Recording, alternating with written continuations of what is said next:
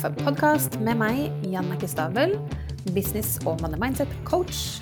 Heng på for en prat om businessstrategi, penger og money mindset, og ikke minst det å sjonglere businessen vår med livet ellers.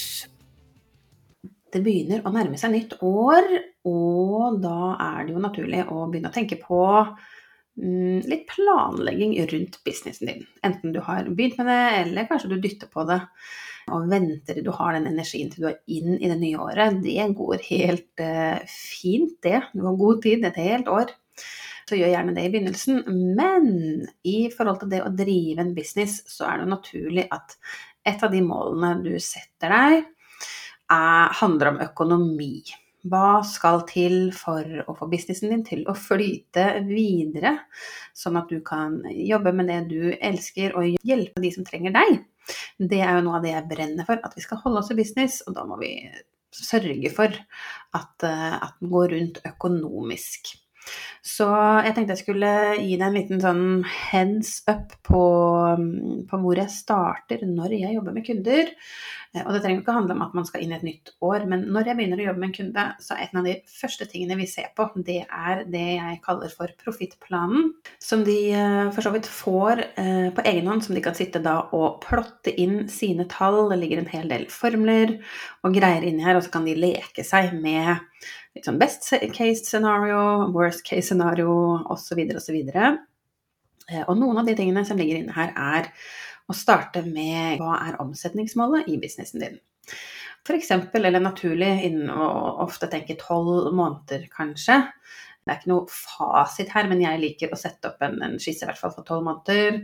Og så jobber jeg litt i, i 90 dagers sprinter under det igjen. Så for det første, det å sette et omsetningsmål. Der har jeg altså det å det å ikke bare dra et tall ut i løse lufta, f.eks. sånn Hvordan har det gått fram til nå? Og så skal jeg prøve å gjøre det litt bedre. Det er en fin tankegang, det, men liksom bud nummer én eh, Det du har klart fram til nå, det målet du nådde f.eks., genererte det profitt i businessen din? Det er et vesentlig sted å starte, sånn at vi ikke bare fokuserer på at nå skal jeg omsette for x kroner.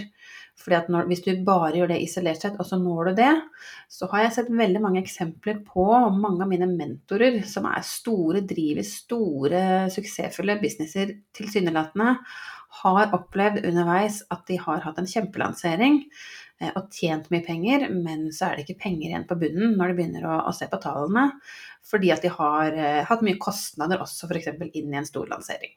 Så det å, å starte med å lage deg et mål som er forankra i at når du når det målet, så skaper du profitt. Det, det, er litt der jeg vil at, at kundene mine skal, skal, tenke. Så det er det vi jobber med helt innledningsvis. Fordi når vi starter der, så får du svar på en del andre ting som gjør at ikke jeg lenger trenger å, å stå jeg, og, og mane om å kanskje sette prispunktet opp, sånn at du kan jobbe med færre kunder f.eks., og få opp omsetningen din. Da.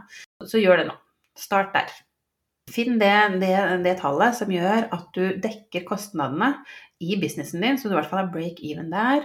Og hva trenger du ellers å bidra med inn i din privatøkonomi, inn i din familieøkonomi? Hva, hva slags lønn er det du ønsker å ta ut?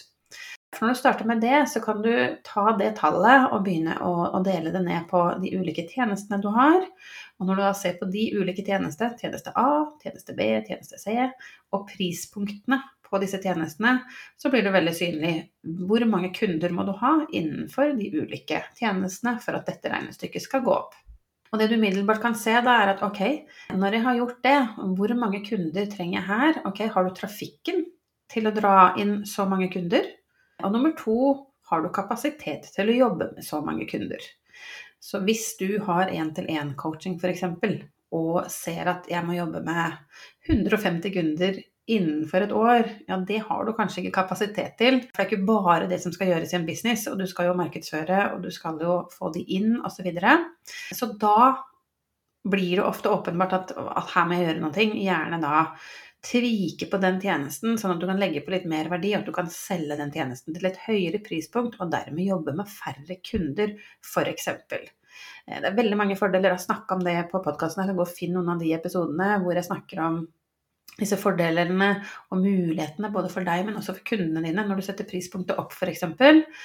Og det er jo noe jeg hjelper med, så trenger du hjelp til å, å, designe en tjeneste litt mer high ticket, eller i hvert fall få prispunktet opp, så, så vet du hvor du finner meg. Men, men, her vil du få en indikasjon allerede på om er dette et realistisk mål å jobbe mot.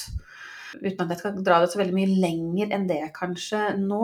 Men, men der har du litt av nøkkelen, fordi at da har du noen holdepunkter som du kan se på, ok, og, og, hvilke justeringer trenger du å gjøre da, hvis du ser at ok, her trenger jeg veldig mange nye kunder.